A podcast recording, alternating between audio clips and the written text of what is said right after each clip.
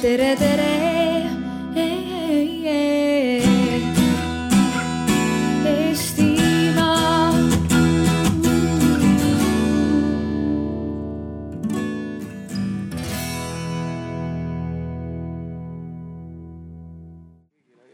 Nii, kell sai neliteist, me alustame nüüd äh, siin pealaval või keskväljaku laval arutelu rohekütustest ja küsime selle arutelu käigus, kas tulevikus võiksid Eesti teedel hakata sõitma ka gaasiautod ja miks tarbija peaks valima gaasiauto. Ning äh, ma tahaksin selle arutelu käigus saada vastuse kindlasti ka küsimusele, kas on ikka nii, ma lugesin seda just täna ühest Eesti lehest, et tarbija ei tea, mida ta tangib, tarbijat huvitab ainult hind ja ainult hinna alusel, mitte keskkonna ja planeedi tuleviku kaalutlustel ei langetata kütuste suhtes hinda või siis otsust. ja selle arutelu annab eetrisse ka Äripäeva raadio, nii et tere kuulama ka sel kanalil. meie osalejad Ando Leppimann, Majandus- ja Kommunikatsiooniministeeriumi kantsler, tere. Rein Kootov, Eesti Gaasi juhatuse liige, tere Raul Kootov, Rein on operaator. Raul Kootov, Reinuga õppisime koos äh, Moskvas, mul on. Raul Kootov, tere. Ahto Oja, OÜ Biometaani juhatuse liige. jah, tere. Arno Sillat, autode müügi ja teenindusettevõtete Eesti Liidu tegevjuht, tere. ja Jaak Kastepõld, gaasiauto omanik. tere. nii, et defineerida kõigepealt see kütuste maailm meile natukene selgemaks, siis alustamegi sellest, et millised on praegu saadaval olevad erinevad autokütuste liigid ja millised neist on siis rohekütused, millest me nii palju räägime. ma arvan, et äh, Ando võib-olla teeb selle defini-, definitsiooniringi sissejuhatuse. jah, ja, ja, ja tervist ka ähm, no ega ütleme niimoodi, et äh, roheliseks saab ikkagi pidada kütust, millel on, on siis selline taastuv päritolu. noh, taastuvenergiaks oma olemuselt loetakse tegelikult siis olukorda, kus, kus see energia taastub või see, ütleme, kütus taastub umbes inimese eluea jooksul, eks ju, mis on siis sada aastat. nii et, et noh, kui me nüüd jõuame nagu autokütuste juurde, siis noh, kindlasti kõik see, mida me nimetame sellisteks vedelateks biokütusteks, on ta siis biodiisel, bioetanool, mida on võimalik siis sisepõlemismootorites kasutada. On, on, ma ei tea, rohekütus või taastuvkütus. No Eestis tegelikult ei ole ju küsimus selles, et kas me võiksime kunagi hakata gaasiautosid enda teedel nägema. me juba näeme neid siin päris palju, ma usun, et Raul Kootov kindlasti üllatab meid nende numbritega ja, ja tarbitakse gaasi ka päris usinalt aga gaasi puhul siis jah, kui tegemist on maagaasiga, siis ilmselgelt ta ei ole taastuva iseloomuga, ta on tekkinud, eks ju, seal miljonite aastate vältel. aga Eestis toodetakse siis biogaasi, mida puhastatakse ja seda on võimalik siis saada siis tegelikult maagaasi kvaliteedile, mis on, eks ju, bioloogilist päritolu, see on kindlasti taastuv. ja, ja noh, Eesti vaates kindlasti, kui me räägime sellisest riigi soovist, vaatest, siis kogu transpordis kasutatav gaaskütus võiks olla siis taastuv, bioloogilist päritolu, kodumaine kütus. ja, ja sellega siis ka tegelikult täita taastuvenergia eesmärke siit konkreetne küsimus ja ma arvan, et selline segadus võib natuke paljudel peas olla. üks asi on siis taastuv kütus, see, mis saja aasta jooksul taastub, kütusematerjalid. teine asi on keskkonnasõbralik kütus et kui me räägime rohelisest, siis me tõmbame nagu sellise suure plakati kõigi selliste planeedile sobivate ja heade kütuste üle, aga, aga millised on siis need sobivad kütused, mis keskkonda kõige vähem saastavad? eks see noh, tegelikult ajas ütleme, see teadmine muutub. noh, kui me siin võtame selle protsessi alguse, kui me hakkasime rääkima sellistest alternatiiv või taastuvatest mootorikütustest seal kuskil üheksakümnendate keskpaigas, siis leiti, et igasugune bioloogilist päritolu kütus on, on siis tõepoolest selline rohekütus.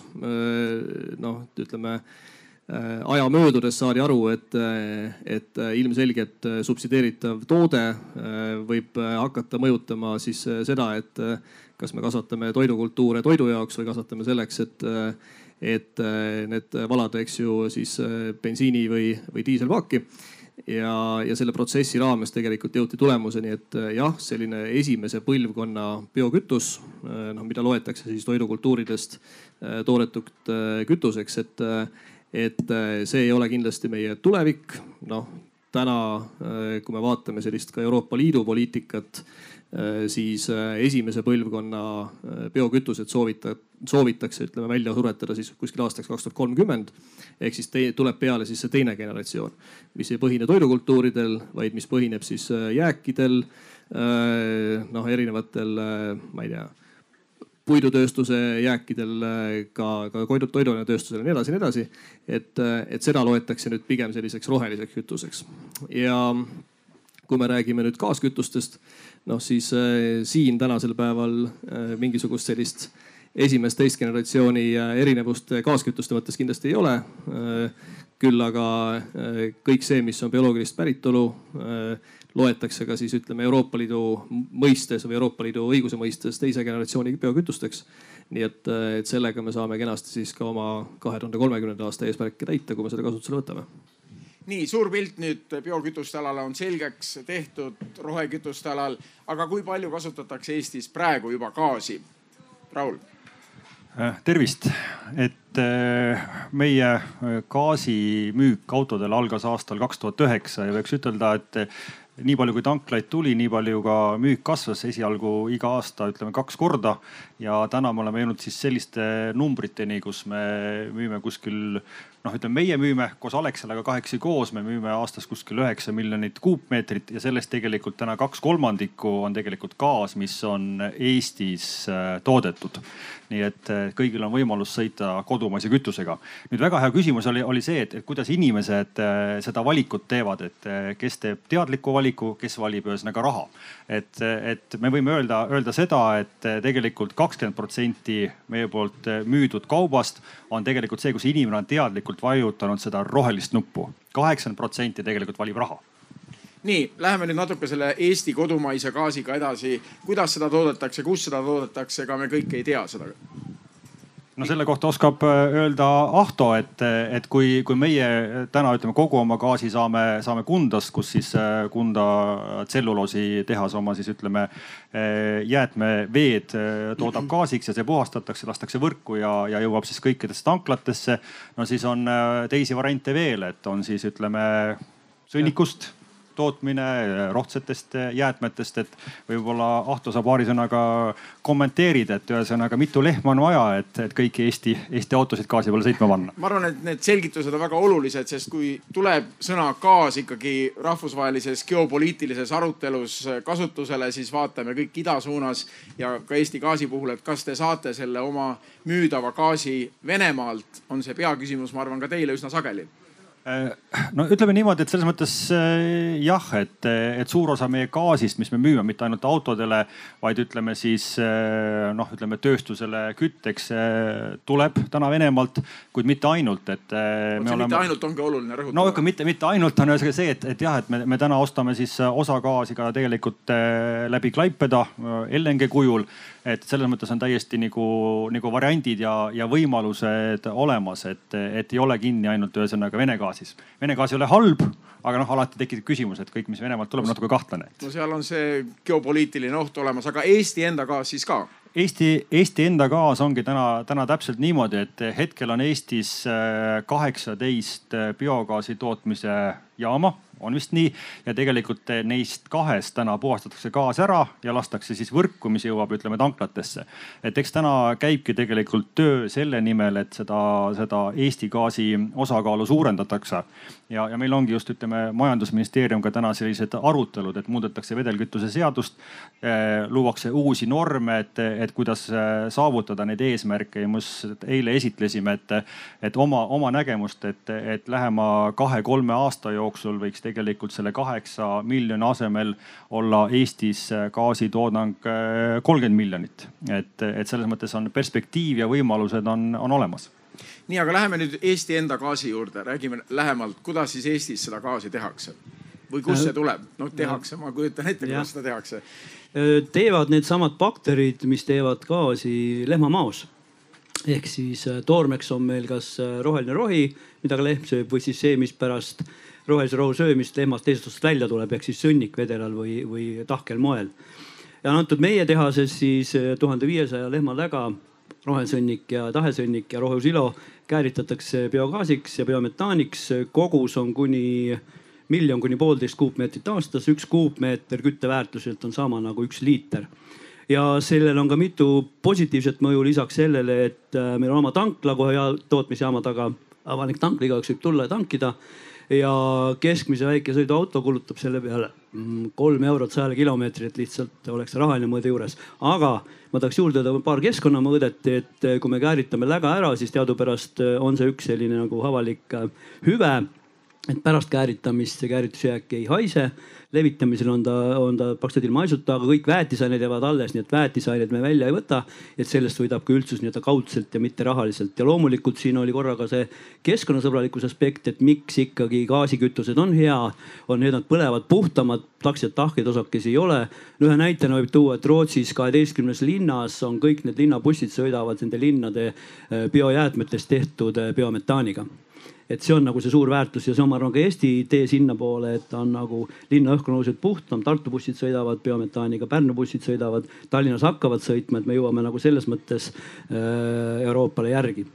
Nii et siin jälle üks äh, definitsioon, biometaan on siis see bioloogilisest materjalist toodetud gaas, et, et no räägitakse tihtipeale aruteludes, ma lugesin eile Postimehest artiklit, et peab biometaani ja biokütuseid segama kütusesse ja nii edasi. aga sageli me ei tea, mis need on, nii et nüüd meil on vähemalt see asi selgeks tehtud. no biometaan selles mõttes on hea, et ta on igas mahus segatav maagaasiga, ta keemiliselt, energiaväärtus on täpselt sama, lihtsalt päritolu on, meil on taastuv, me teeme seda sellest rohust, mis kasvab, mis seob selle süsihappegaasi, maagaas tuleb maa seest, aga muu, muu on täpselt sama ühe asja ma tahtsin veel lisada, võib-olla lihtsalt nagu perspektiivi mõttes selle koguse suhtes et on tehtud äh, ja kaitstud magistritöö, kus, mis, kus öeldakse, et meil on tegelikult nii palju tooret Eestis, et me võiks asendada kogu Vene maagaasi biometaaniga, kodumaise taastuvkütusega. ja kui suur on teie tootmine praegu? täna on meil üks kuni üks koma viis miljonit kuupmeetrit aastas. mis see tähendab? see tähendab üks kuni üks koma viis miljonit liitri ekvivalendis ja no igaüks võib arvutada, palju sellega läbi saab sõita siis. Ando. Eh, jah, kui panna ta nagu lihtsalt nagu perspektiivi, et, eh, et kui Ahto mainis, et, et palju on meil Eestis üleüldse gaasi tarbimine, eh, siis jutt mitte ainult transpordis, siis noh, me täna räägime ikkagi kuskil nelisada miljonit pluss kuupmeetrit aastas. et, et noh, ilmselgelt hetkel veel, eks ju, meie biometaani või siis sellise kodumaise gaasi tootmine ei küüni, eks ju, kaugeltki sinna lähedale. aga, aga jah, tõepoolest teoreetiline potentsiaal, kui me toorme mõttes, eks ju, kui me võtame siis rohtset biomassi kasutusele, kõikvõimalikke jääk, jääk, jääk, jääke, et äh, see tegelikult äh, arvutuslikult jah, kuskile sinna sellesama kolmesaja miljoni kuupmeetri juurde võiks, võiks jõuda. aga mida ennem Raul mainis, eh, ehk siis, et eh, paari-kolme aasta jooksul jõuda tegelikult eh, kolmekümne miljoni kuupmeetri juurde siis biometaani tootmisel ja tarbimisel. et noh, see on juba tegelikult selline nihuke täiesti reaalne perspektiiv, kuhu me võiksime üsna pea jõuda. Need on suured arvud, suhteliselt hõlmamatud, aga püüame mingisugust pilti luua, kui palju autosid siis numbriliselt sada, kakssada, tuhat saab nendega, kui pika maa ma, sõita? ma tegin ühe arvutuse, et, et sellest, palju see oli, mitu lehma? Tuhat viissada lehma, et see tuhat viissada lehma, kui me võtame, et üks kaks pool tuhat äh, kuupmeetrit võtaks auto aastas, et see tähendaks kuussada autot saaks ühesõnaga sõita selle gaasiga, mida, mida sina aastas toodad, et, et ühe auto jaoks äh, circa ütleme üks, kaks-kolm lehma oleks vaja. Või üks, või üks hektar rohelist äh, põllumaad või selles mõttes rohelist rohtu, mis muuks ei kasutata või saja inimese reoveemuda ühe aasta auto läbi sõit. aga gaasiautoga sõit, on siis see gaasil põhinev auto täpselt samasugune oma sõiduomaduste poolest kui teised? Jaak, te olete nüüd autoga pidevalt sõitnud, mis on gaasikütusega? jah, tere veel kord minu õnn või õnnetus on see, et äh, elan Lääne-Eestis Lihulas ja tööle käin juba seitseteist aastat äh, igapäevaselt Tallinnasse. et kuna kasvatame oma naisega nelja last ja meil omal väike ettevõtmine veel lisaks, siis äh, pere nagu kuskilt asukohta vahetada ei, ei soovi ja, ja ei ole nõus. ja sellest tulenevalt on siis autotransport ainus lahendus, et, et kõik vajalikud kilomeetrid ära katta. olen paljude erinevate kütuseliikidega, bensiinid, diislid, gaasid, kõigega nagu, nagu väga hästi sina peal ja, ja, ja ka palju kogu nende hindade ja kujunemiste ja kõigega ka kursis. Ja gaasiauto on nüüd natukene üle aasta. et äh, pelgasime varasemalt lihtsalt seda, et äh, tanklaid oli vähe. tänaseks on tanklatega kaetus juba piisavalt hea ja kui mul oli niimoodi, et äh, diiselauto puhul oli kuskil kütusekulu tööl käimiseks kolmsada eurot kuus rahalises ekvivalendis. bensuautoga on see viiesaja, kuuesaja euro juures, sõltub nüüd, mis tüüpi mootor on ja kui raske jalg on. Ja siis äh, gaasiauto aasta peale kulus mul kaks tuhat ükssada kakskümmend seitse, ma ei tea, kas need ühel hetkel need arvutused võib-olla tulevad seal seina peale ka. ja see teeb natukene, ütleme jämedalt kuskil sada seitsekümmend eurot kuus paljud pelgavad, et äh, gaas on kuidagi sihukene teistmoodi tundlik või jah, need mootorid on natukene lahjemad, gaasi enda oktaanarv on hästi käre ja, ja seetõttu mootor peab olema natuke väiksema forsseeringuga. Aga sõit on temaga väga mõnus, ta on hästi dünaamiline, ta on vaiksem tegelikult kui kõik teised mootorid. ja, ja muus osas, mis ma oskan öelda, sõiduauto on Škoda Octavia ühe koma nelja liitri on CNG mootor, kaheksakümmend kolm on temal kilovatte. et eh, niimoodi tööl käimiseks ja, ja ringi sõitmiseks on ta rohkem kui küll. et paljud bensumootorid on palju mannetumad ja väiksema võimekusega. Et, et eh, selles osas kindlasti mitte karta selge, gaasiautoga saab sõita siinsamas Paides, natuke maad siit eemal on Eesti gaasilipp väljas selle auto juures, nii et kes siin osalevad, saate teha kohe konkreetse katse pärast meie arutelu lõppu. aga räägime nüüd autode müügi ja teenindusettevõtete Eesti Liidu tegevjuhiga äh, sellest, et äh, ikkagi suur loosung on elektriautodele kuulub tulevik. ka eile lugesin Postimehes, seal oli just kütustest juttu. Alapealkiri oli elektriauto on tulevikuauto, miks mitte gaasiauto? miks sellele elektriautole nii palju tähelepanu pööratakse? no üks põhjus, et tegelikult on elektris ju ka see rohe osakaal, et sellest siin ennem ei olnud juttu, aga, aga tegelikult on ju meil vist seitseteist protsenti, kui ma nüüd väga ei eksi, on ju tegelikult toodetud tuuleenergiast, mis on ju ka taastuvenergia ja mis on puhas täiesti ehk siis tegelikult ka elektriauto sõidab ju puhtalt, pluss see, et elektriauto oma tarbimises ju tegelikult emissioone ei oma, eks ja noh, ütleme tegelikult nüüd sellele küsimusele vastates, miks just elekter? no tegelikult seda peab küsima, ütleme siit paar tuhat kilomeetrit Belgia poole, et miks on otsustatud, et elekter on see päästja sest otsused on selliselt tehtud, et elektriga täidab neid norme, mis on täna autotööstusele ette pandud.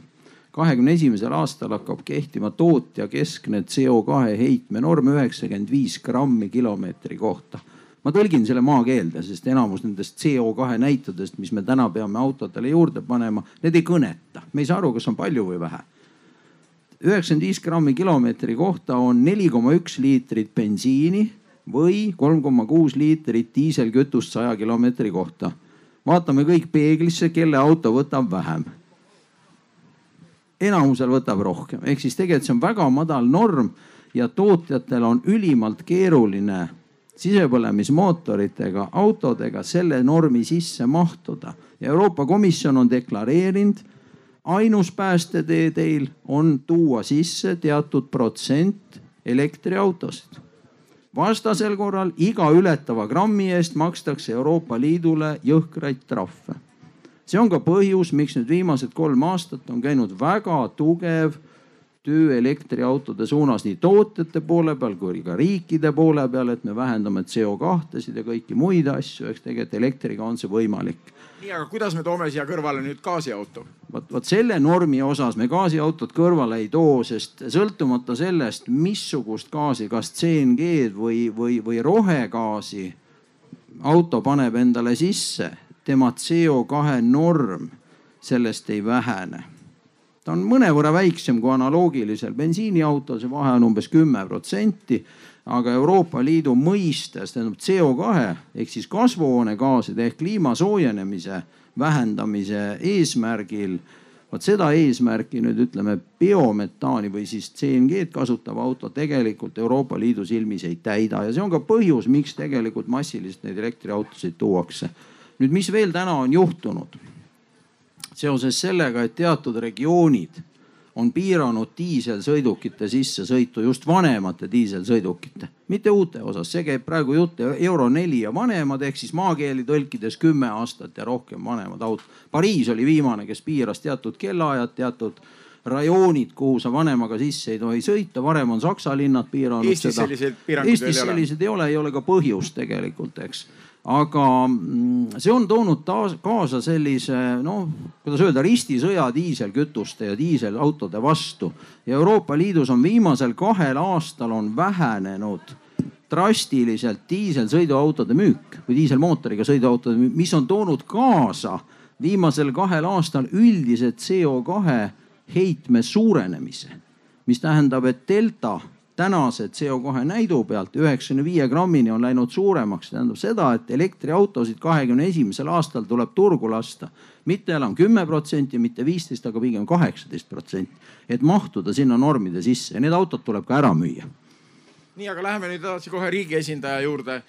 Ando, kuidas te kuulate neid arutelusid, et Brüssel on normatiivid seadnud ja nüüd me neid täidame ja, ja nendesse normatiividesse on kirjutatudki elektriauto, see tulevikuauto? Äh, ja noh, tegelikult seal on väga äh, loogiline põhjendus, äh, aga kõik korraks nende normatiivide juurde tagasi tulles, et ega meil on hästi palju erinevaid selliseid, ma ei tea, normatiive või viite, viiteväärtusi, mida me peame täitma ja mille osas me oleme siis Euroopa Liidu tasemel kokku leppinud. Ähm, ja üks nendest on kindlasti see, mis puudutab autotööstust, palju nende, eks ju, siis CO2 heide võib olla müüdava, eks ju, siis autopargi kontekstis.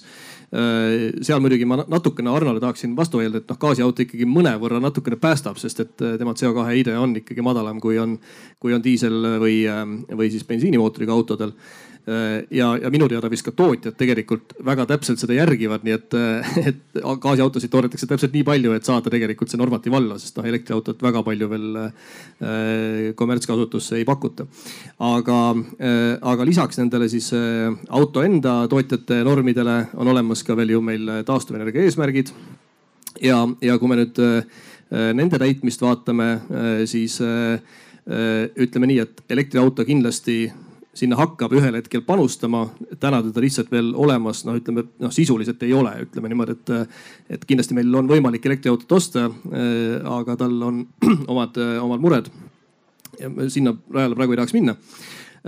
ja, ja kui vaadata nagu riigi taastuvenergia eesmärkide täitmise osas, siis selleks, et täita seda kümneprotsendilist eesmärki transpordisektoris, no siis tegelikult peab olema sul lahendus olemas. Äh, noh, üks lahendus on see, mida valdavalt Euroopa Liidu riikides kasutatakse.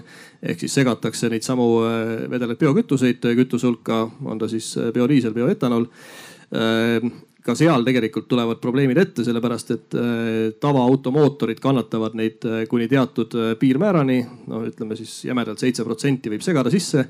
aga selleks ei piisa jällegi kümne protsendi eesmärgi täitmisest, mis tähendab seda, et sa pead leidma koha, kus neid kütuseid kasutada siis äh, sajaprotsendiliselt, on ta siis ühistransport või muu. Äh, noh, Eesti on valinud äh, sellesama biometaaniga tegelikult teise tee just sel põhjusel, et tegemist on kohapeal toodetava kütusega, me ei pea teda kuskilt importima ja, ja ilmselgelt noh ta loob tegelikult hästi palju sünergiaid äh, eri majandussektorite vahel. Äh, noh, panustab transpordisektorisse, aga tegelikult ka ju põllumajandusse, majandusse laiemalt, nii et äh, et see on tegelikult noh, see põhjus, miks me tänasel päeval sellest biometaanist nii tugevalt räägime ja teda turule üritame tuua. aga ma olen nõus sellega, et ta kindlasti on pigem selline kümneaastase tsükliga vaheperiood äh, selleks, et jõuda siis lõpuks elektriautoni välja. sest äh, noh, mis elektriauto kasuks alati räägib sisepõlemismootoriga auto ees, on kahjuks see, et, äh, et kasutegur on seal ütleme üheksakümmend pluss protsenti. noh, sisepõlemismootor, kes teab midagi kasuteguritest, siis noh, see teoreetiline maksimum, maksimum on seal kuskil kolmekümne protsendi juures, nii et, et noh, sa mitte kunagi ei saavuta tegelikult seda Äh, sedasama kasutegurit ja, ja siis tekibki küsimus, et kuskohast toota elektrit. noh, liigume ka seal taastuvenergia poole, nii et, et kindlasti noh, see protsess äh, sinna elektriautode poole ja, ja puhaste äh, siis puhas, puhta elektri poole liigub, aga, aga ta ei ole kindlasti nii kiire, et me saame öelda, et, et kahe aasta pärast me oleme valmis. siin tahab nüüd sõna sabast võtta kinni Ahto Oja. jah, paar lühikest repliiki, et äh, tahvlil võiks panna ka vähemalt kolm kuni neli, sest mina olen kaks aastat sõitnud kolme euroga alla sajale kilomeetrile. tahvlil võiks vida panna meie raadiokuulajatele. okei okay., ja siis äh, väike asi, et gaasiautode andmebaas tegelikult lisaks Škodale teeb gaasiautosid ka Audi, Mersu ja neid on äh, kümneid tuhandeid Euroopa järelturul, nii et selles mõttes, kes on huvitatud, Eestis on kümme või sada tükki järelmüügis, aga Euroopas saab praktiliselt enamus marke, suurusjärke gaasiautosid ja veel ka võib-olla jah, natuke elektritranspordi mõttes jah, sõiduautod tõenäoliselt tulevad, aga tegelikult suurem osa kütuseid kulutavad ju kaugveorekkad, kaubaveod ja bussid ja minu teada täna turuküpseid elektrirekasid või busse, kaugedude omasid ei ole turul. et see on nagu elektritranspordi üks minu arust täna veel nagu noh, tehnoloogiline takistus, turuküpseid lahendusi ei ole. ja viimane võib-olla lisaks jätkates Ando, Ando ütlust, et tõepoolest biometaani ilu on ju veel ka selles et ütleme, kui me teeme neid linnajäätmetest, mis täna on probleem, nad ei komposteeru, kuhu peale seda panna. kui me kääritame nad ära, nad ei haise, nad tegelikult on võimalik sertifitseerida väetiseks ehk me toodame toodet jäätmetest, vahepeal saame ka gaasi. nii, aga annan nüüd äh, Raulile uuesti sõna, et rääkida siis Eesti Gaasi poolt ka. Äh, kuidas kuulad neid äh, prognoose, et, et see gaasiautode periood on nagu üleminekuperiood elektriautode eel? No eks ta selles mõttes nagu natuke murelikuks teeb, et alati, kui sa teed eh, investeeringut, siis eh, energeetikas investeeringute tasuvusaeg on eh, kümme, kakskümmend aastat. näiteks kui sa ehitad gaasitorustikku, siis konkurentsiamet lubab sulle VAK-i ehk ühesõnaga raha tagasi teenimise aega, palju see on, neli pool protsenti ehk tegelikult ta läheb üle kahekümne aasta, et eks ta selles mõttes nagu murelikuks teeb. Aga, aga samas me usume nagu seda, et, et eks, eks kindlasti on ka noh, alati, mis mõjutab, on ühesõnaga turg, inimesed, nende enda käitumine ja, ja, ja see, mis, mis toimub, et me päris ei usu seda, et kümne aasta pärast gaasil pole kohta, jääb ainult ütleme elektriauto. et kui siin ennem oli CO2 vähendamise samasugune arutelu, et siis elektriautode müüjad ütlesid, et, et jess, et äh, Volkswagen lõpetab viie aasta pärast gaasiautode tootmise ära ei lõpeta. Nad ütlevad, et viie aasta pärast arendavad välja viie viimase gaasimootori, mida nad kasutavad veel viisteist aastat. et selles mõttes me usume, et eks see perspektiiv on natukene, natukene pikem. Ja, ja me oleme noh, paljude nende gaasiautode müüjatega kõiki neid, neid muresid ja võimalusi ühesõnaga arutanud, et, et täna tuleb öelda, et autod on populaarsed, autosid kasutatakse. noh, nagu ma ennem ütlesin, et paljud küll ühesõnaga raha pärast, aga kindlasti paljud ka ütleme selliste keskkonna eesmärkide pärast ja, ja noh, kui me vaatame oma, ütleme seda, seda gaasimüüki, et, et kui palju meil on siis ütleme neid eraisikuid ja kui palju on nagu ühesõnaga ettevõtteid et, et siis me võime öelda seda, et meil kuskil ütleme viiskümmend viis protsenti müügist on ettevõtetele ja nelikümmend viis protsenti on siis ütleme eraisikutele, et ka eraisikute osas see huvi on ühesõnaga suur, ehkki võib-olla mahud, potentsiaal tulevikus on tõesti, ütleme näiteks seesama nüüd DLT läheb äh, gaasi peale, siis tema võtab äh, aastas võtab viisteist miljonit kuupmeetrit, mis on näiteks sama palju, kui on Järvakandi klaasitehas või seesama, ütleme Estonian Cell terve aasta jooksul DLT tulek suurendab siis äh, gaasitarbimist Eestis automaatselt nagu kaks korda. et, et selles mõttes suurel transpordil on kindlasti oma osa kui me räägime veoautodest, siis äh, ütleme noh, alati arutatakse seda, et, et noh, et nii nagu elektriauto puhul, et, et kui kaugele saad sõita elektriga, kui kaugele saad sõita gaasiga. elektri puhul räägitakse siin sajast kilomeetrist, kahesajast kilomeetrist. gaasi puhul sõiduautoga sa sõidad, ütleme nelisada viiskümmend, viissada kilomeetrit. ja, ja ütleme noh, kõiki neid tööautosid ju tehakse niimoodi, et sul paagid arvestatakse ühe, ütleme vahetuse jaoks, vahetus viissada kilomeetrit. kõik ütleme bussid, veoautod on võimalik sõita Eesti Eestis paagitäiega ära, kui vajalik sealt kuskil tankida, et pole ka seda probleemi. nii et me ütleme, et me näeme, et arengut on ja, ja no ütleme, kui Eesti on tihti nagu väike, et ükskõik, et mingid asjad ei jõua siia, olgu need siis katlad, olgu noh, võib-olla ütleme, telefonid jõuavad kiiremini, onju. aga kõikide muude asjadega natuke see keerulisem. me näeme ka seda, et ka täna hakkavad ütleme seda suuremat sorti transporti tulema. Scania on tulnud autosid, Iveco toob autosid, et ka see mure hakkab nagu ühesõnaga ära lahenema kui nüüd Eesti Gaasi tulevikuplaanidesse pisut pilk heita, siis kuidas te visandate seda turgu, kuidas te taristut arendate, rääkige oma plaanidest, kuidas te tulete siis tarbijale poole tee peale vastu, et, et nad hakkaksid mõtlema, et tõepoolest võib-olla gaasiauto no ütleme, eks see, eks see meie kõige suurem äh, roll on tegelikult äh, tanklate ehitamine, et, et ma ise sõidan äh, aastast kaks tuhat neli gaasiautoga ja, ja alguses oli Tallinnas kaks tanklat ja, ja ma alati sättisin niimoodi, et ma poole aasta jooksul ei võtnud ikkagi bensiini, alati sõitsin kahest tanklast läbi, onju. et noh, et ütleme tavainimese jaoks on see kindlasti ebamugav ja ta seda, seda, seda teha ei, ei taha. mina patriootlikust tundest ma teen seda, onju.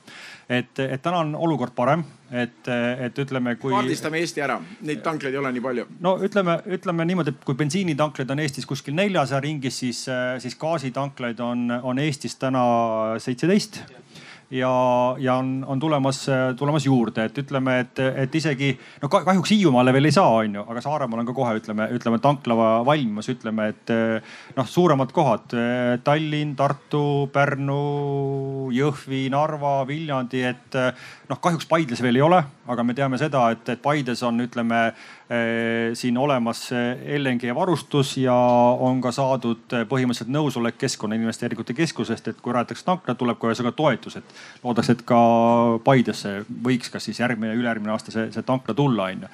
nii et need meie omalt poolt jätkame oma väiksemate tanklate rajamist, kindlasti panustame sellele, et võita ühesõnaga suuremat sorti hankeid, kuna see annab sulle alati mingisuguse kindluse, onju.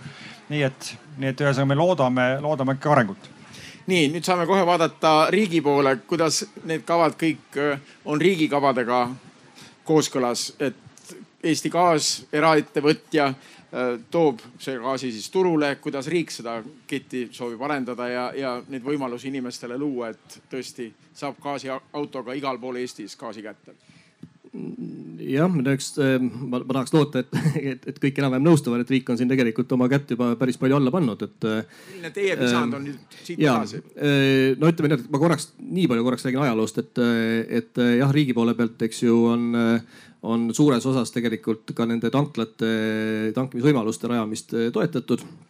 et, et eesmärk tegelikult oligi selleks Äh, luua siis toetusskeem, et neid tanklaid tekib rohkem, inimestel tekib võimalus gaasiautot endale soetada. Äh, ei, ei pea, eks ju, selles mõttes siis äh, mingisugusel ajal sõitma bensiiniga näiteks ja, ja teine aspekt kindlasti on see, et me oleme loonud ka siis toetusskeemi, mida siis loodetavasti ka nii Tartu kui, kui Tallinn hakkavad kasutama, et ühistranspordis võtta siis kasutusele biometaan, et ei sõidetaks mitte siis selle maagaasiga, vaid sõidetakse siis kodumaise rohegaasiga. Äh, selleks on toetusskeem olemas äh, ja, ja omakorda siis äh, kompenseeritakse ka siis veel selleks, et see gaas, rohegaas tõesti oleks soodsam. kompenseeritakse ka siis seda maagaasi, rohegaasi hinnavahet mis tulevikku puudutab, siis jah, meie vaates kindlasti Äh, sellisest ähm, ütleme toetamisest äh, hea meelega sooviks, äh, sooviks väljuda, sest et noh, gaas. toetamine tähendab siis mingisuguste maksu. ja ütleme selliste toetusskeemide nagu loomist, et, et see iseenesest noh, tõenäoliselt peaks noh niisuguse lähiperspektiiviga lõppema, äh, sest äh, sektor võiks hakata elama ikkagi äh, nii-öelda turupõhiselt. mis ei tähenda mitte seda, et, et, et sellel rohegaasil ei võiks tekkida siis oma sellist nagu väljavaadet. Ja mida, mis see väljavaade tegelikult praeguse seisuga meie vaates või riigi vaates ongi, on see, et kui me peame täitma neid taastuvenergia eesmärke, on ta siis aasta, aasta, aastal kaks tuhat kakskümmend või sealt edasi aastaks kaks tuhat kolmkümmend ja vaheaastad siis äh, tegelikult äh, kütuse jaemüüjatele äh, ei anta mitte seda kohustust, et nad peaksid tingimata ühte, teist või kolmandat taastuvkütust müüma, vaid nad tegelikult saavad siis kaubelda endale sertifikaate, mis, mis on siis sellised tinglikud taastuvenergia sertifikaadid, võivad tekkida nii biometaani tootmisest ja, ja tarbimisse lubamisest, ka elektritranspordist ja nii edasi. Äh, ehk siis, et äh, tegelikult äh, selline turupõhine lähenemine siis surub erinevad ka taastuvkütused sellisesse sarnasesse rolli ja, ja paneb nad omavahel konkureerima, nii et, et noh, see on tegelikult nagu see riigipoolne vaade. nüüd ma ühe asja tahaks ära õiendada, et kui me ennem rääkisime sellest, et, et kas elektril või gaasil on tulevik. et, et me natukene keskendume liiga palju võib-olla sellistele sõiduautodele, et, et selles vaates ma kindlasti arvan, et ja mida ma ennem ütlesin, et kümneaastane perspektiiv pigem elektriautode osas võiks olla sõiduautode perspektiiv, kui me räägime sellisest rasketranspordist, räägime linnatranspordist, bussidest, veokitest, nii edasi, siis noh, kindlasti selline puhas elektri kasutamine seal tõenäoliselt on natukene pikema perspektiiviga, kui see on kümme aastat. ja seal tegelikult me peaksime aru saama, et noh, millised need uued tehnoloogiad on, mis turule tulevad Äh, selge, et sisepõlemismootor hakkab oma elu ära elama. no ma näen siin ees reas istuvad härrad vesiniku äh, ja kütuseelementide, eks ju, propageerijad.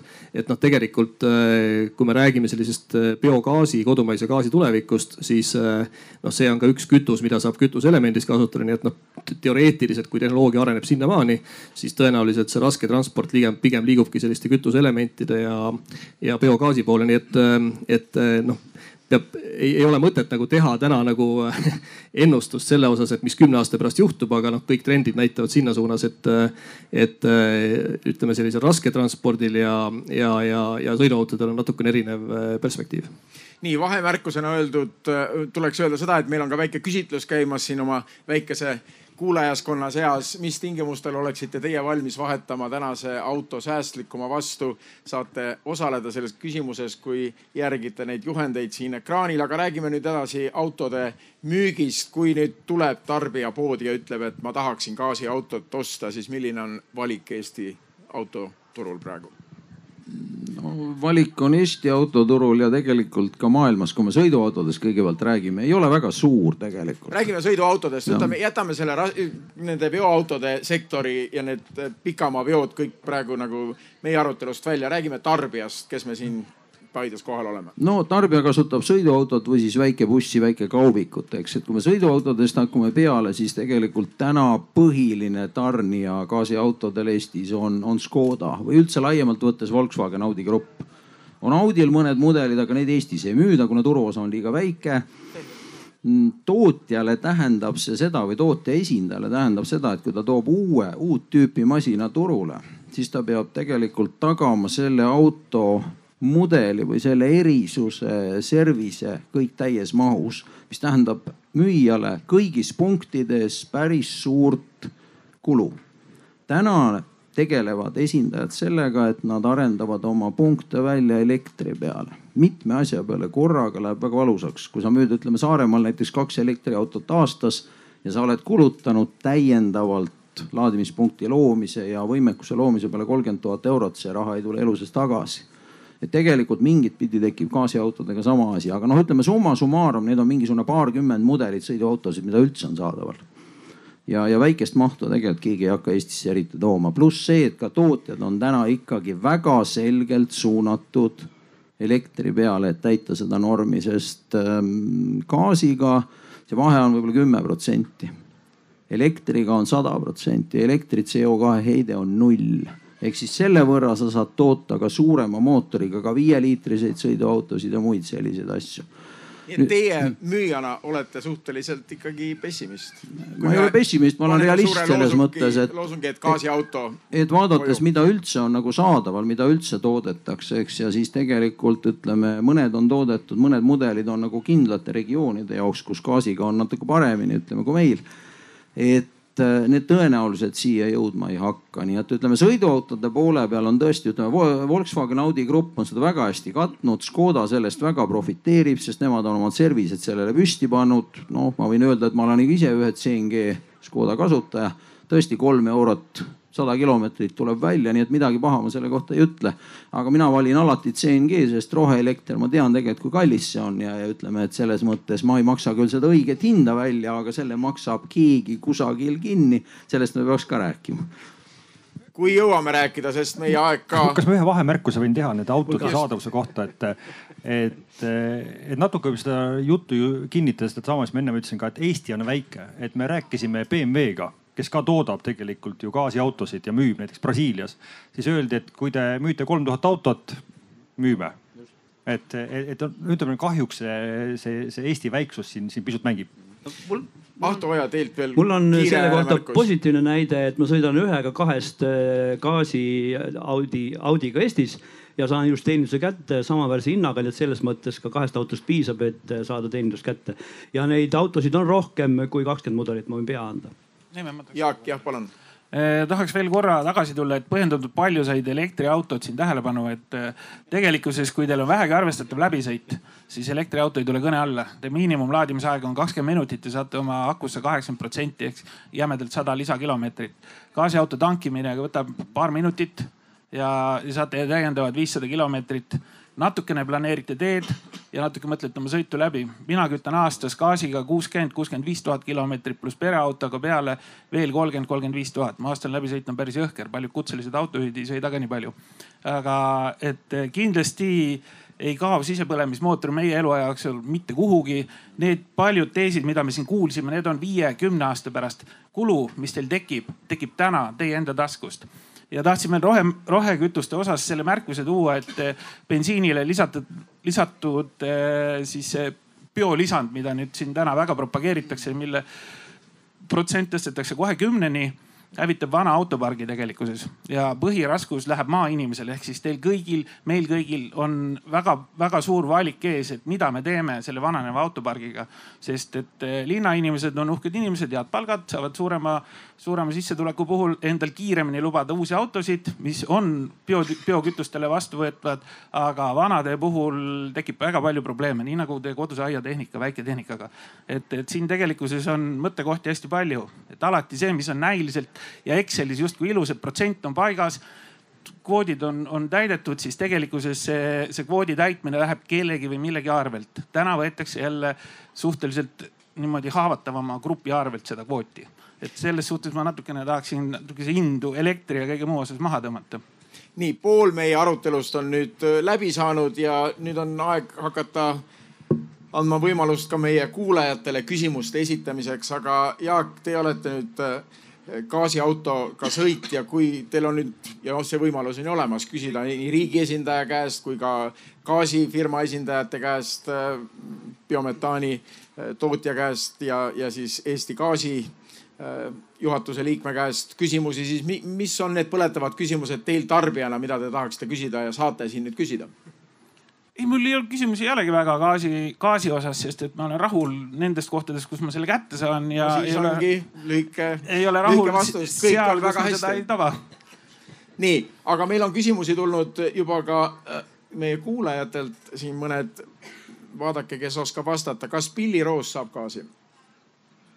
ilmselt biometaani juhatuse liikmele? Äh, jah, saab, sõltub, äh, mis moel ta on, kui palju teda on, äh, kuidas teda kätte saab, mis hinnaga. aga põhimõtteliselt käärib kõik orgaanika, mis ei ole puiduline, on lühike vastus. sealhulgas õlid, rasvad, taimed, rood, sõnnikrohi jäätmed, raba, õlleraba, veini kääritamisjäägid, kõik rosinakoored, jah. kus teie tehased need asuvad, kus seda kõike imet tehakse? Euroopas on. Teie on... omad, Eestis? Eestis on kaks tehast. jah, kus need asuvad? meie tehas on Viljandimaal, Võhmast neli kilomeetrit Põltsamaa poole, kus on siis ka see avalik tankla, kus saab sada protsenti biometalli molekuli tankida, sest igal pool mujal te tankite sertifikaati. selge, järgmine küsimus ilmselt Andole. kui rohekütus on nii hea, siis miks seda siiski nii vähe kasutatakse? kas saab öelda nii vähe? No ma tahaks öelda, et eh, Eesti mõistes kasutatakse päris palju võrreldes, eh, vaatame kasvõi meie lähiriike, eks ju siin eh, Lätit, Leedut, kes noh, pigem vaatavad kadedusega meie poole, sellepärast et see biometaani ütleme selline majandus, ütleme tinglikult on meil ikkagi käima läinud.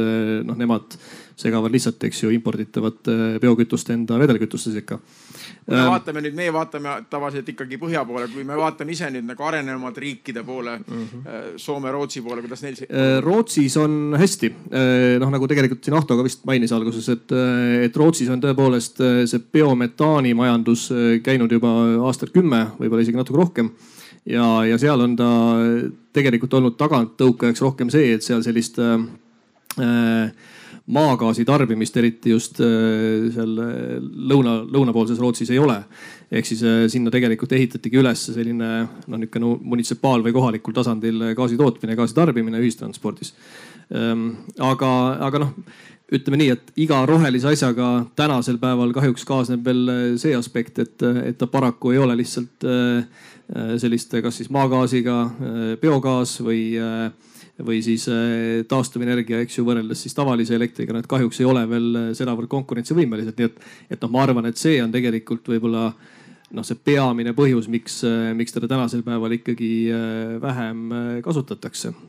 kuigi ta kindlasti muutub konkurentsivõimeliseks ja ma arvan, et noh, see on nüüd see küsimus, noh, mis peaks kõikide meie enda peades olema, et, et kas me tahame iseenda käitumisharjumusi muuta või, või, või vaatame siis ainult rahakotti. aga minu küsimus oleks see, et meil, eestlastel tegelikult ei ole siis midagi häbeneda ka kui me juba vaatame Põhja ja Skandinaavia riikide poole? Äh, ei, meil ei ole häbeneda ja, ja ma arvan, et kui me räägime üldse transpordis äh, sellest taastuvenergia äh, kasutamisest ja, ja nende eesmärkide täitmisest et, et siin alguses sai mainitud et, et kümme protsenti on meil eesmärgiks võetud, et transpordi energiakasutus peab tulema siis taastuvenergia põhiselt.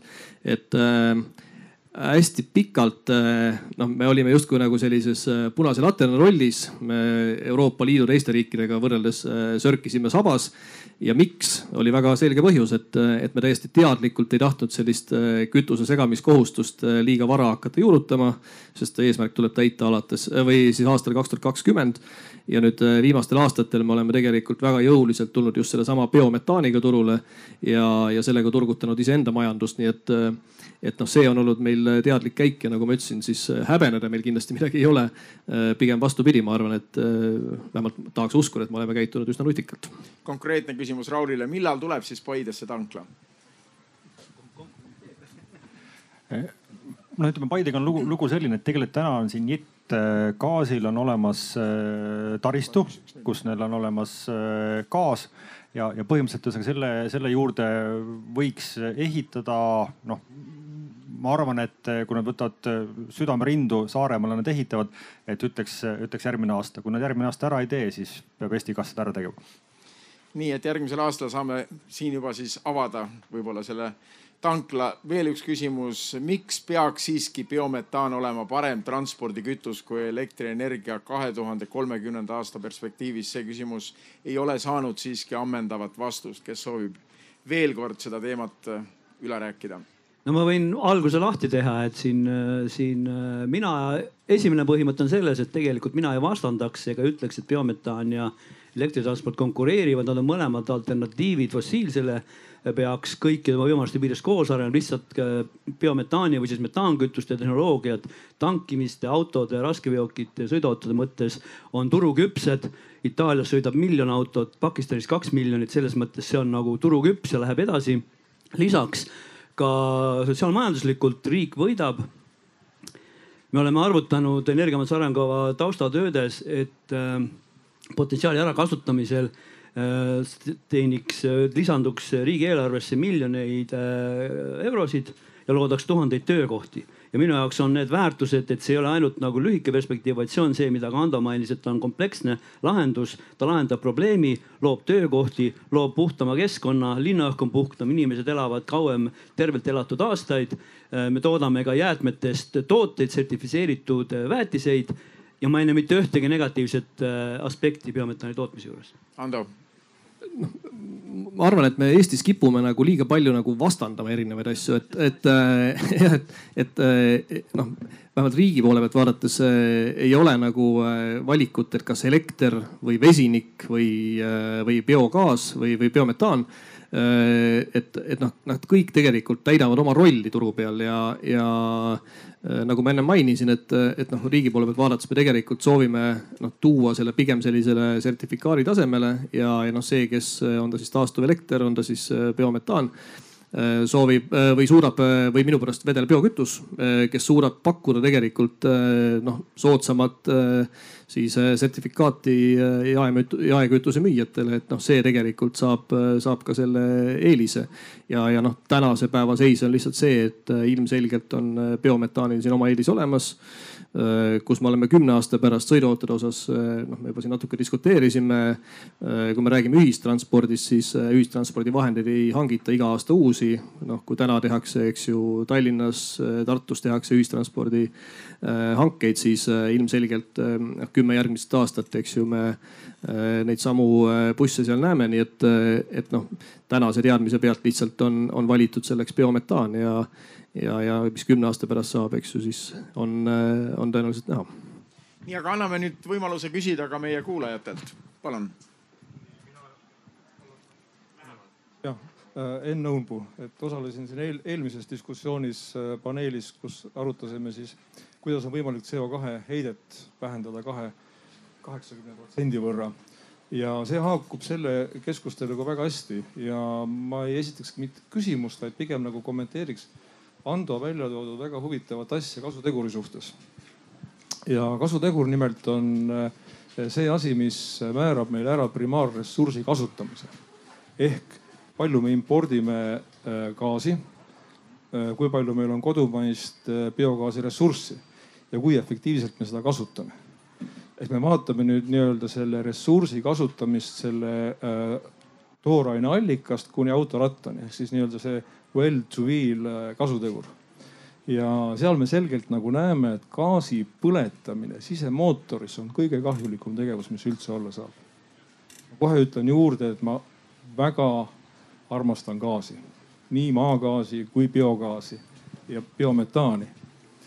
aga sellel on palju paremaid rakendusi, kui me vaatame nagu perspektiivi tegelikult isegi viis aastat, ainult viis aastat ettepoole, rääkimata kümnest, viieteistkümnest aastast siis sellest samasest gaasist me saame teha väga kõrge kasuteguriga elektri, laadida sellega elektriautosid selle koha peal, kus on, me saame sellest samasest biogaasist toota kõrge kasuteguriga vesinikku ja väga kõrge kasuteguriga kasutada kütuseelemendi autodes saastevabalt. Ehk et tegelikult see kasuteguri vahe on umbes kaks korda, ehk kui me vaatame gaasi kasutamist sisepõlemismootoris, siis well to wheel kasutegur on keskmiselt kusagil viisteist protsenti. Kui me vaatame äh, selle samast gaasist näiteks vesiniku tootmist ja kasutamist vesinikkütuseelement autos, siis well to wheel kasutegur on nelikümmend protsenti. kaks pool korda kõrgem. Ja see on nagu riiklik küsimus tegelikult, kuidas me kasutame primaarressurssi, Eesti ressurssi ehk seda bioressurssi pluss meie nii-öelda energiajulgeolek, mis on äh, primaarenergia import äh, ebastabiilsetest või kriitilistest kohtadest nagu meil see on täna, eks ole. et, et pigem nagu peaks vaatama seda primaarressursi efektiivset kasutamist, kasutegur kogu ahelas. Raul, ma annaksin sõna sulle. ma korra sa... kommenteeriks vahele nii palju, et eh, kui räägime siin elektriautost ja heide null, siis eh, kui korsten asub Narvas ja meie energiajulgeolek elektri koha pealt on ju kuuskümmend, seitsekümmend protsenti meil on fossiilne. ainult taastuva puhul võib see kehtida nii. ja nõus. nii, aga annan Raulile praegu sõna, et äh, kuidas sa kuulad seda juttu, et, et gaas on tegelikult nagu ta on gaas on äh, väga hea autokütus, et, et ütleme, kõik sellised äh, moodsad tehnoloogiad, vesinikud ja, ja, ja kütuseelemendid, et et, et eks me oleme ka nendega väga pikalt kokku puutunud, et, et ma ise esimest korda aastal kaks tuhat kolm äh, katsusin ja vaatasin kütuseelemendiga autot. Aga eks alati on siis ka, ka küsimus, et, et kuidas sa lõpuks ka selle majanduslikult äh, kokku saad, et sa võid ka ju omal, ütleme kodus maja kütta kütuseelemendiga, pärast on küsimus, mis see hind tuleb. et, et kindlasti kõik see, mida sa räägid, on, on, on õige, aga, aga, aga ühel, ühel, aga kõik see saab, saab ellu minema siis, kui ta on ühesõnaga ka majanduslikult kõigile vastuvõetav et, et mis puudutab, et, et, et miks kümne aasta pärast äh, kindlasti biometaan, et, et ka ilma, et midagi nagu tahaks vastandada, et, et põhimõtteliselt kuna kuna ütleme, kõik need võimalikud jäätmeprotsessid, sul on alati kas võimalik jäädet äh, taaskasutada või on siis see, et kui ei taaskasuta, siis ütleme kääritad, et kindlasti on väga palju sellist jäädet, mida sa saadki kasutada läbi, läbi kääritamise. ja, ja kui siin on äh, jõutud kogusteni, et ütleme kakssada, nelisada miljonit kuupmeetrit võiks aastas toota, ütleme biogaasi, siis oleks ju see ebamõistlik seda mitte kasutada. kindlasti osa kasutada transpordis, osa kasutada energeetikas, teha sellest vesinikku, et see on kindlasti see, miks kümne aasta pärast oleks biometaanil oma koht nii, siin Paides on tulnud päike välja ja pöördun nüüd meie kuulajate poole siin väikeses, väikeses saalikeses, et äh, kas keegi teist on nüüd otsustamas, et, et võikski hakata gaasiautoga sõitma, kas keegi, kas kellelgi meie kuulajatest on gaasiauto? avaldage arvamust.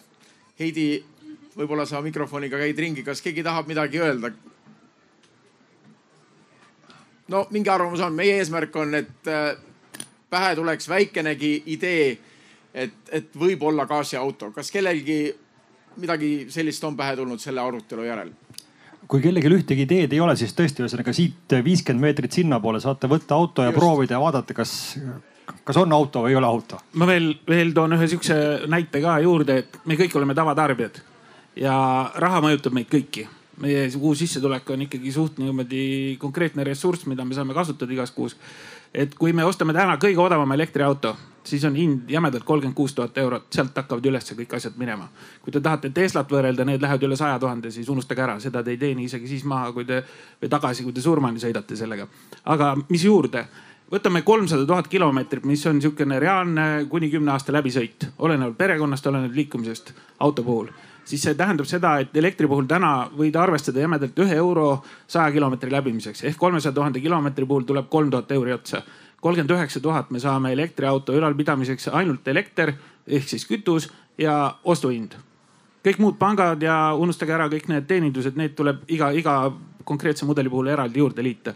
kui me võtame gaasiauto, minul on suht kallim mudel, ta on Elegance pluss varustusega, see tähendab seda, et ta on nagu kõrgema hinnaga ja kakskümmend üks tuhat on selle auto ostu, ostuhind kolm eurot kilomeeter tähendab seda, et kolmesaja tuhande puhul ma kulutan kokku üheksa tuhat eurot.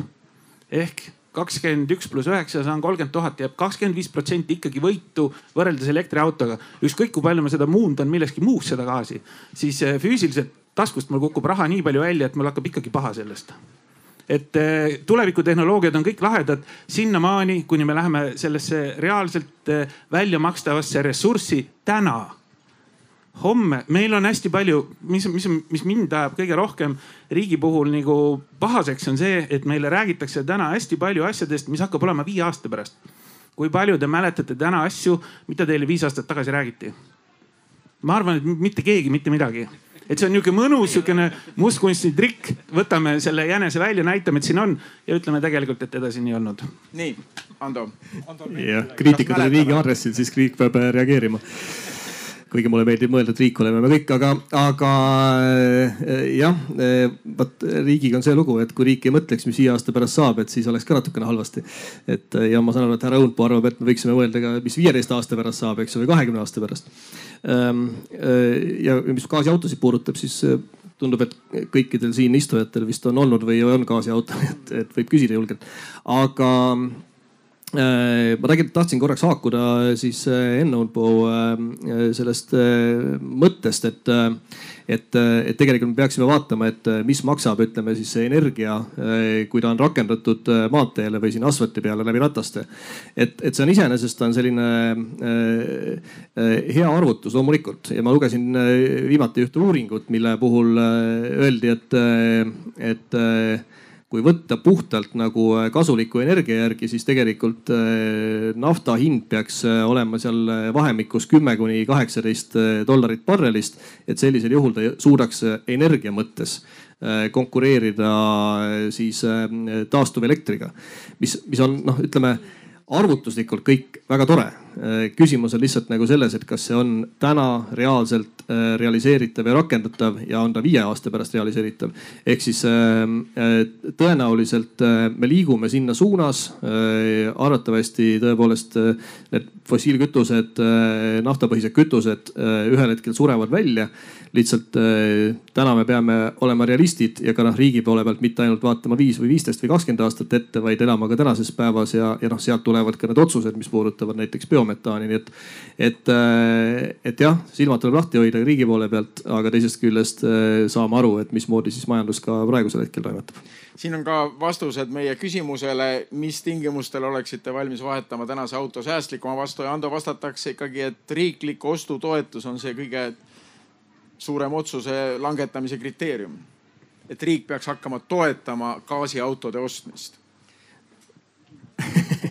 no e, kindlasti, ma arvan, et kui, kui noh rääkida sellisest puht nagu niisugusest emotsionaalsest või, või psühholoogilisest vaatest, et, et arvatavasti selline autode kas ostutoetus või, või mingi progresseeruv automaks tõenäoliselt jah, neid hetkeotsuseid mõjutaks üsnagi palju.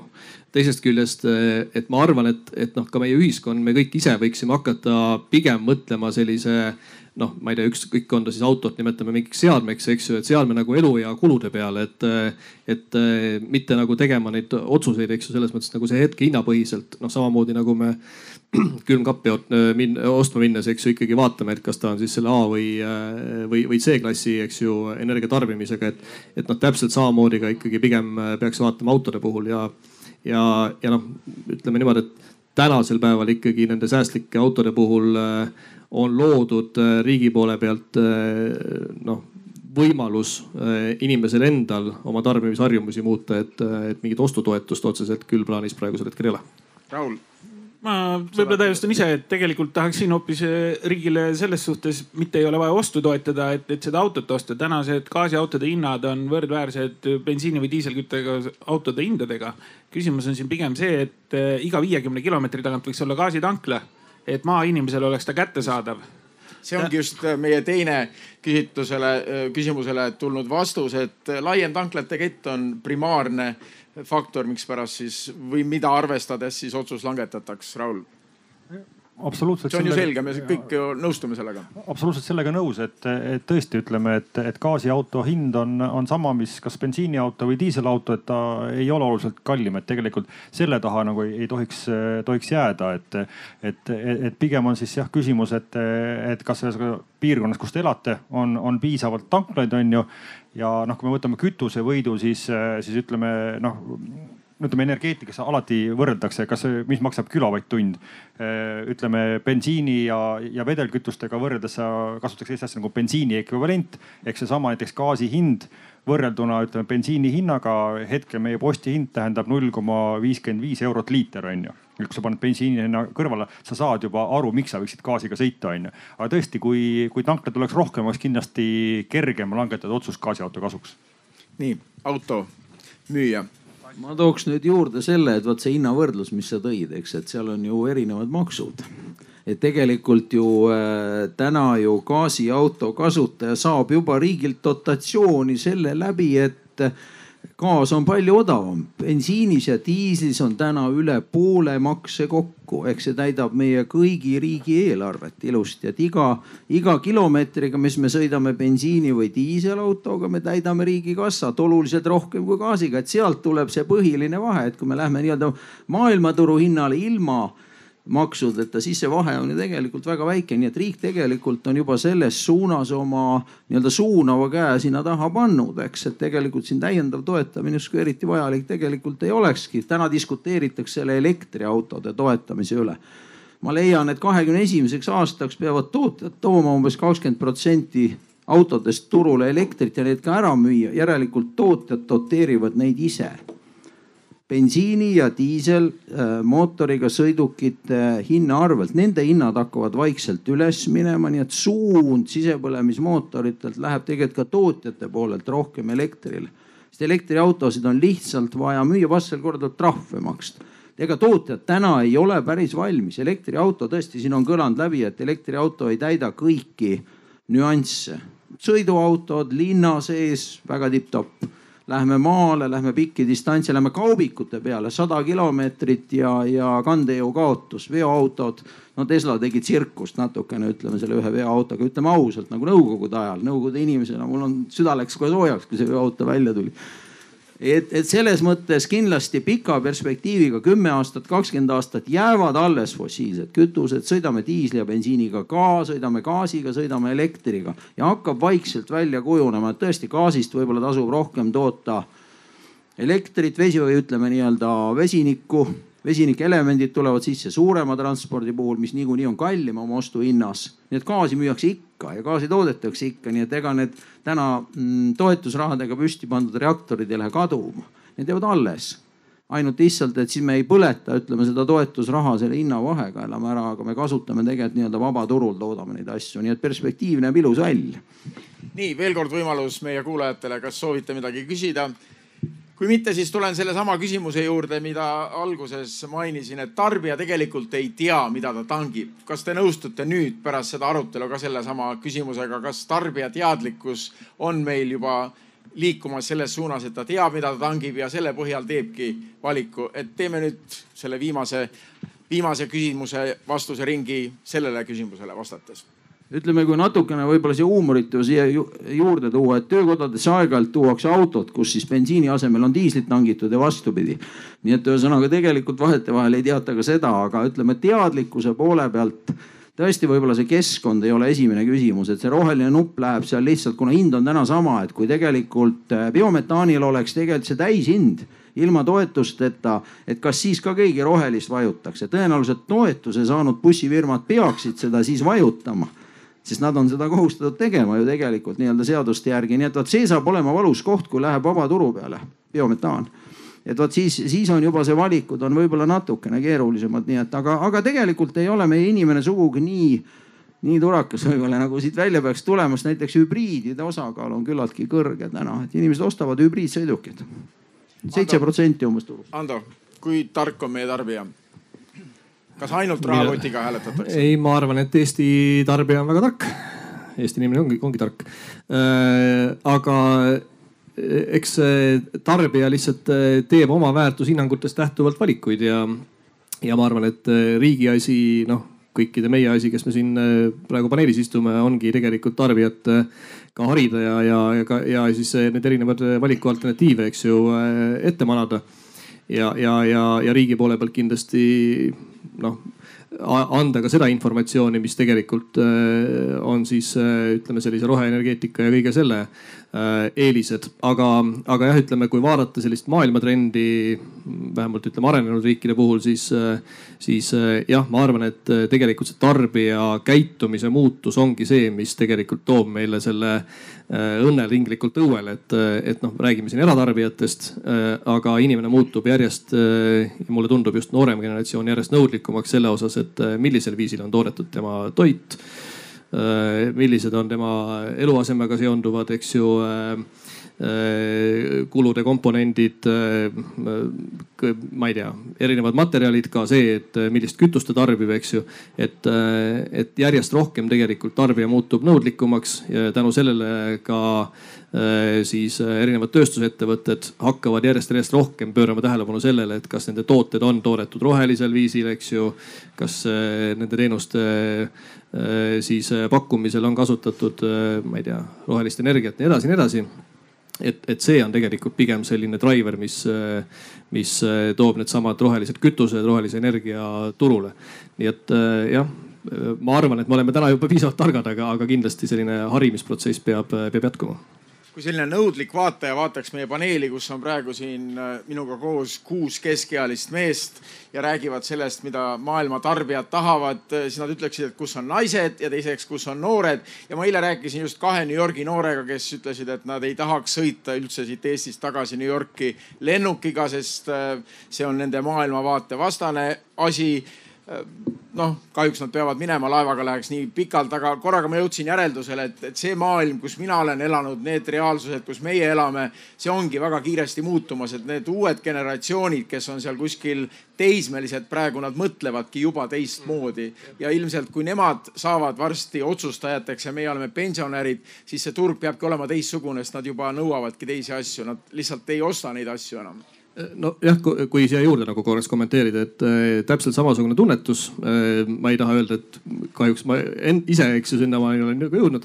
aga, aga kui me vaatame näiteks seda, et äh, ka Eestis siis erinevate selliste suurte tööstusettevõtete mingisugused äh, harukontorid, äh, kuidas nemad käituvad, millised on seal nagu corporate policy, eks ju, näiteks ka energia tarbimise osas, et, et sinna on juba noh a priori sisse kirjutatud selline, kas rohelise energia tarbimine, midagi taolist. et, et jah, täpselt sellised suured korporatsioonid tegelikult veavad sellist noh, ka tarbija käitumist ja tarbija väärtushinnangut maailma eest, nii et, et sinna me tõenäoliselt oleme liikumas. Ahto Oja kas tarbija hääletab vaid rahakotiga?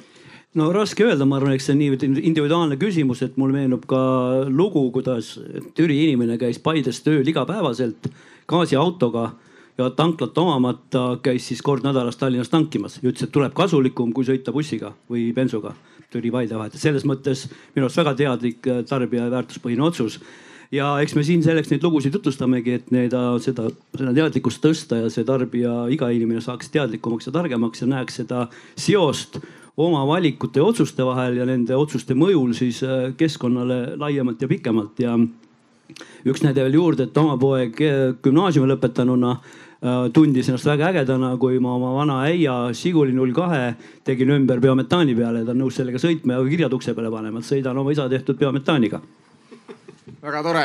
Jaak Kastevõlt, te olete mitu korda juba öelnud, et teie tarbijana olete hääletanud juba gaasi poolt, nii et see on teie, teie hääl, et te ei hääleta lihtsalt ainult rahakotiga, vaadates siis seal jaamas, kütusejaamas, mis on kõige odavam, vaid te olete teadlikult läinud gaasi peale jah, see on teadlik valik ja julgustan kõiki teisi ka mõtlema nagu laiemalt ja, ja see see autoturg tegelikult on hästi kirev ja, ja võimalusi on siin rohkem, kui me siin täna oleme suutnud käsitleda. et kindlasti tundke huvi, küsige, uurige kogemuslugusid ja, ja selles suhtes äh, alati mõelge võimalikult palju erinevaid aspekte, ei ole rumalaid küsimusi, on lihtsalt äh, halvad valikud mingitel eluperioodidel, et, et kindlasti tasub kaaluda kõiki nüansse ja kõiki võimalusi. ja me pakume kohe siin võimaluse siis äh, proovida seda gaasiautot, äh, millest me siin oleme rääkinud juba viimased äh, tund ja viisteist minutit, aga lõpusõna anname selles paneelis Raul Kotovile Eesti Gaasist kuidas siis võtta see teema kokku ja ikka seesama küsimus, küsin ka sinu käest, kas tarbija ei tea, mida ta tangib? Ma arvan, et tarbija teab, mida ta tangib, kuigi noh, seesama see bensiini ja diisli segamine, et ma olen ka näinud, kus tegelikult seda gaasipüstolit püütakse panna sellesse bensiiniauku on ju, et, et tegelikult kindlasti on ka küsimus see, et, et kuidas see teadmine jõuab äh, inimesteni. Ja, ja no ütleme, see valik raha ja, ja keskkonna ja kogu selle vahel, et, et mida paremaks muutub üldine elujärg, inimeste hakkamasaamise võime, et siis seda rohkem tehakse ka kindlasti keskkonnateadlikke valikuid kuid, kuid samas noh, kui siin oli juttu, et, noored on puudu, siis tuleb tõesti öelda, et, et noored mõtlevad palju rohkem keskkonnateadlikult, et ma pean vaatama oma kümneaastase poja järgi, kes ütleb, et isa vormel üks ja autoralli on jama, sest see saastab keskkonda, et täitsa, täitsa probleem, kuidas ma talle ütlen, et kuule, et see, see pole nii, nii, nii karm värk on ju.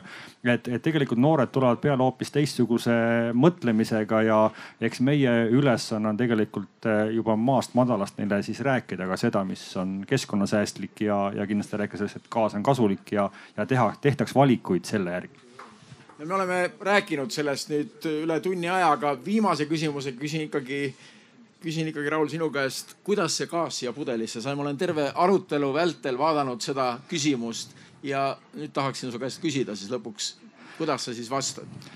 Äh, see on täitsa kodumaine toode, tuleb maa seest, värska vesi, värske vesi on gaasiga, nii et, nii et meie püüame firmas ikkagi müüa ühesõnaga või juua gaasiga vett ja minu jaoks kõige huvitavam asi on siit arutelust kaasa võtta just see, et me Eestis oleme suutelised gaasi tootma, et ma arvan, valdav enamus inimestest selle peale isegi ei tule. Et me vaatame ikkagi Venemaa suunas, aga tegelikult näete, on meil siin Eesti oma gaas, nii et Eesti Gaas on teie firma nimi, aga Eesti Gaas ka terminina on olemas. See on absoluutselt õige, et Eesti Gaas on ka sisu poolest Eesti Gaas